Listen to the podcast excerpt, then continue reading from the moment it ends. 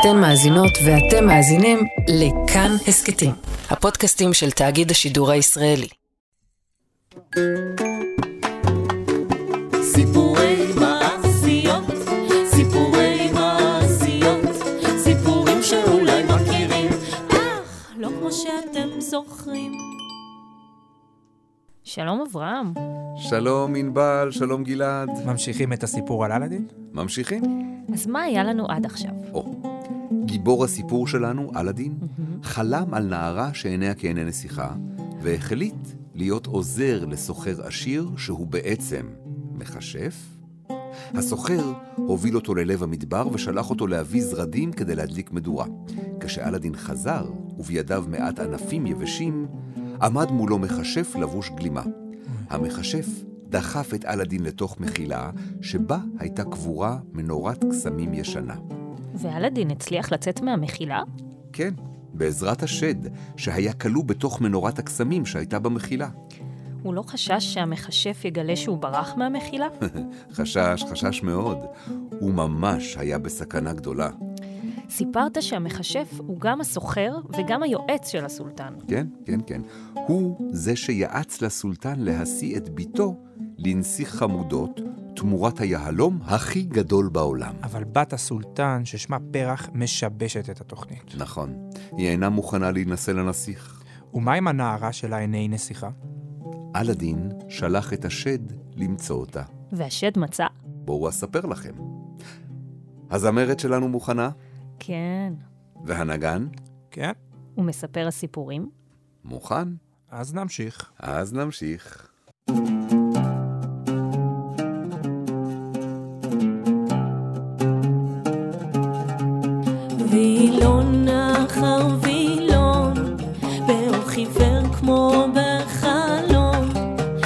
נספר לכם סיפור על מכשף רשע כישוף ומזימה.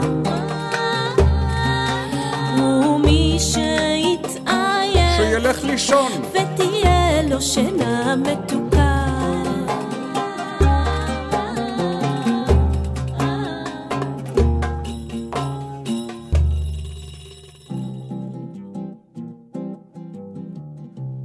שוטט השד ברחבי הממלכה, וחיפש נערה שעיניה כעיני נסיכה. כשמצא אותה, ואל תשאלו אותי איך, הרי הוא שד כל יכול, הוא נכנס דרך הקיר לחדרה. הנערה נבהלה, מה עושה שד אצלה בחדר? היא רצתה לצעוק לעזרה, אך השד פנה אליה בעדינות ואמר, אל תבהלי, לא אזיק לך בכלל. אז uh, להכין לך כוס תה? או, לא, לא, שדים לא שותים. למה באת? מה אתה רוצה? נער שאת עיניו פגשת בשוק, מבקש לראותך שוב. הוא לא ישן מרוב געגועים. למרות שהופתעה, אמרה הנערה, אלך איתך אם תבטיח לי שאיש לא ידע. כי אם מישהו יגלה לאן הלכתי, יערפו את ראשו של הנער שלך. אקח אותך כהרף עין, לפני שמישהו יבחין שמשהו קרה. הבטיח השד, ונשא את הנערה בזהירות, הביא אותה לחדרו של אלאדין, כד קידה, התקפל וחזר לתוך המנורה. קוראים לי אלאדין. מה שמך? ביקש אלאדין הנרגש לדעת. אני לא יכולה לומר לך, אסור שאף אחד ידע. אבל רק את ואני כאן. עם שד רגשן שמופיע פתאום אצלי בחדר, אי אפשר לדעת מה עוד יכול לקרות. את צודקת. מאז שפגשתי אותך, הכל קורה כמו בתוך חלום. אמר אלאדין, וסיפר לנערה על הסוחר המכשף, על המנורה ועל המחילה. אז המכשף רודף אחריך? הוא בטח מחפש אותי, ואם הוא ימצא, זה יהיה הסוף שלי. הוא אכזר ורשע, אבל כשאת כאן איתי, אני, לא חושש בכלל, כי בעיניים שלך מתגשמים החלומות שלי. ובעיניים הטובות שלך, אני רואה את כל החלומות שלי.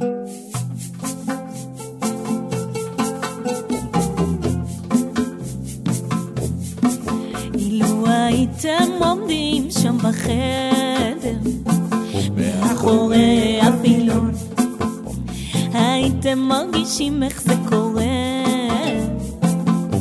ממש כמו חלום. קסם היה שם לה לה לה אחים שומעים קשת בוכה דומם בצער. אילו לא הייתם עומדים שם בחדר, מאחורי הווילון, הייתם מרגישים את זה בגוף, ממש את כל החום. קסם היה שם. בין הנער על הנער. אחים עוצרים ומקשיבים, שומעים את השד בוכה דומם בצער. כי עבד כלוא בתוך מנורה. כלל אינו חופשי.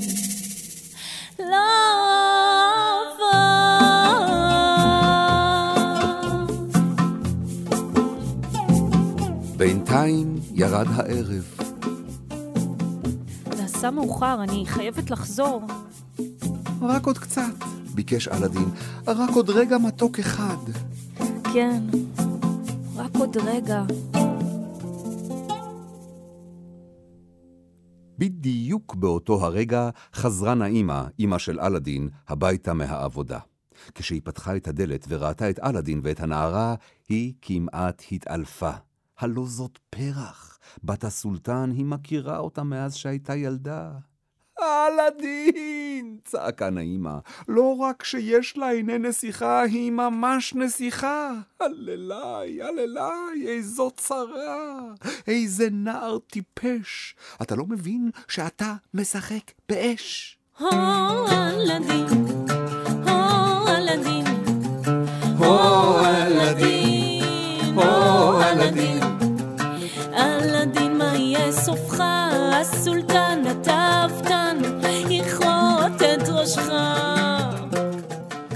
את הנסיכה יכלאו בראש מגדל, ללא חלון או דלת, ובסוף יחתנו אותה עם נסיך מממלכה אחרת.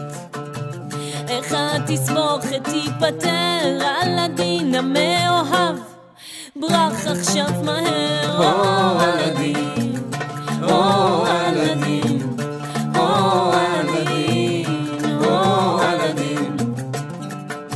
נעימה רצתה שפרח תחזור מיד לארמון, ושאלאדין יברח מהר ככל האפשר.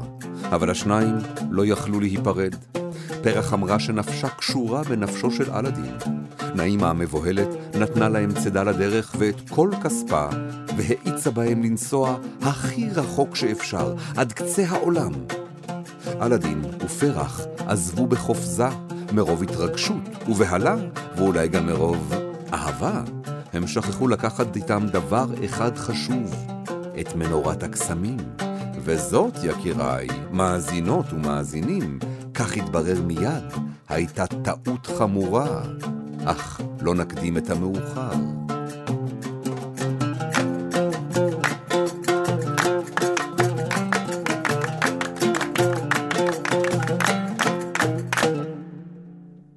אחרי שהשניים עזבו, התיישבה נעימה על מיטתו של אלאדין, והתפללה שהם יצליחו לברוח לפני שמישהו יגלה מה קרה.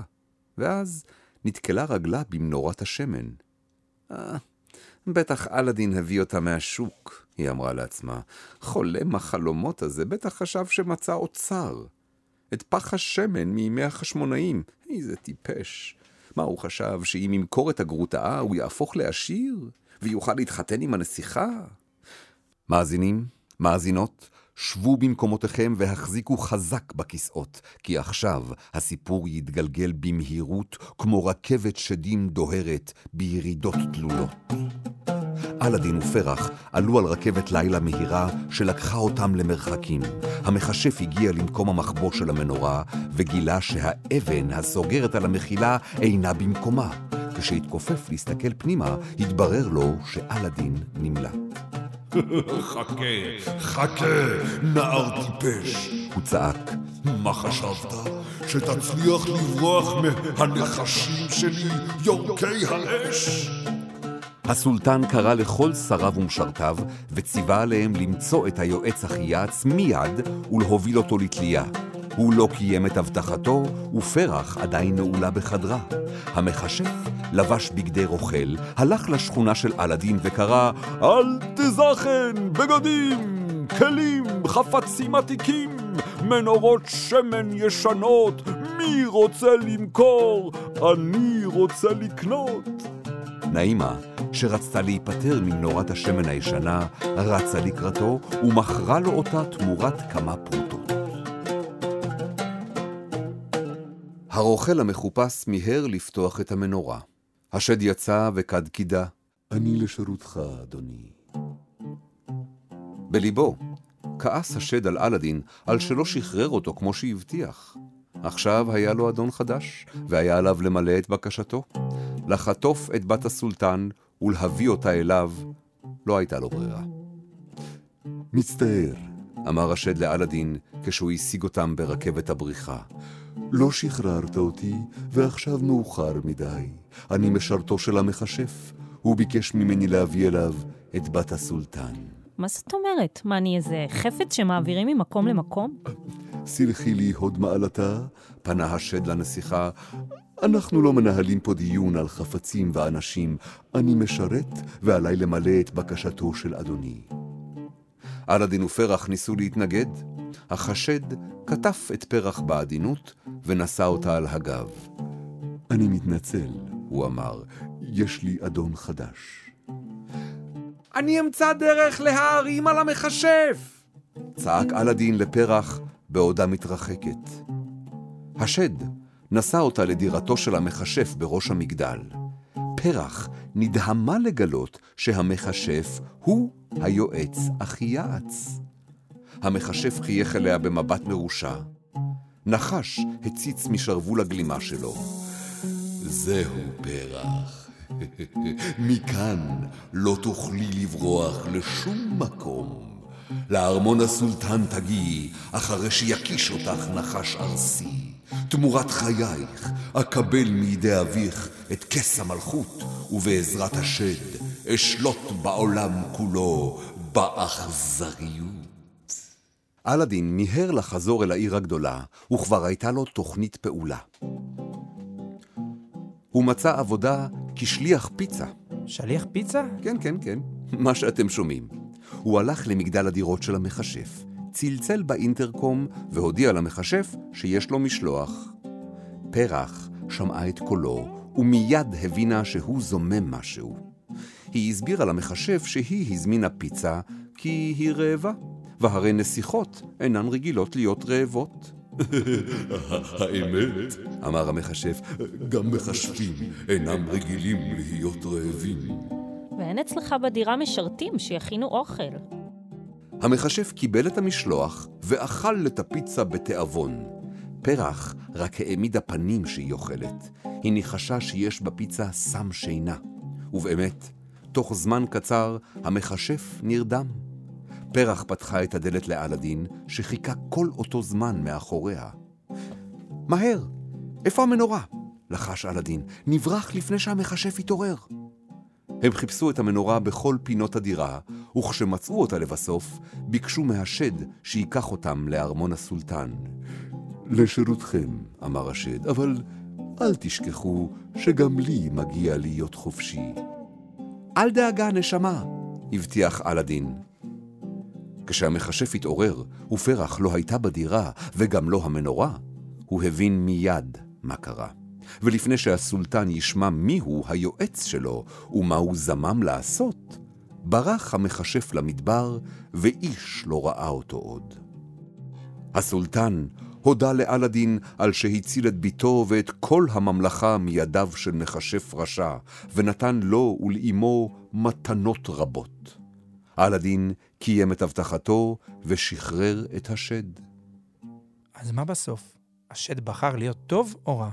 ומה עם אלאדין ופרח? הם חיים באושר ואושר עד עצם היום הזה?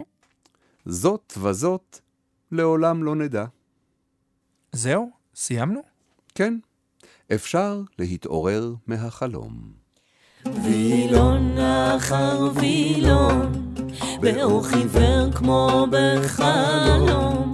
סיפרנו לכם סיפור, רב מעללים ודמיון. מכשף רשע, על נער עני ונסיכה, על מנורת שמן פשוטה, אפילו קצת מאוחר. ומי מכם שהתעייף ורוצה עכשיו לישון, ששנתו לו, וחלומות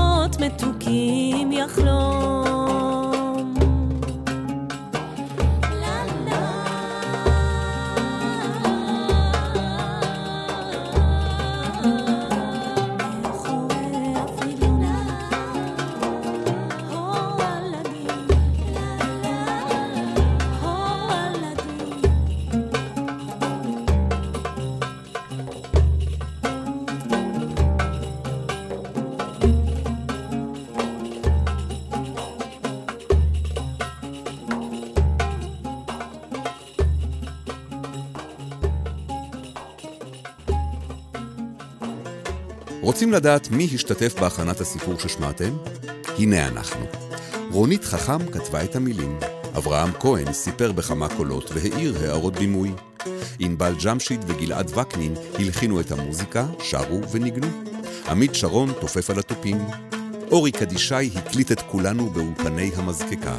אייל שינדלר, עורך כאן הסכתים, העיר הערות מועילות. ומירי ישראל תיקנה לנו את השגיאות.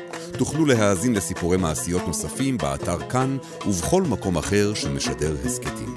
סיפורי מעשיות, סיפורי מעשיות, סיפורים שאולי מכירים, הם לא כמו שאתם זוכרים.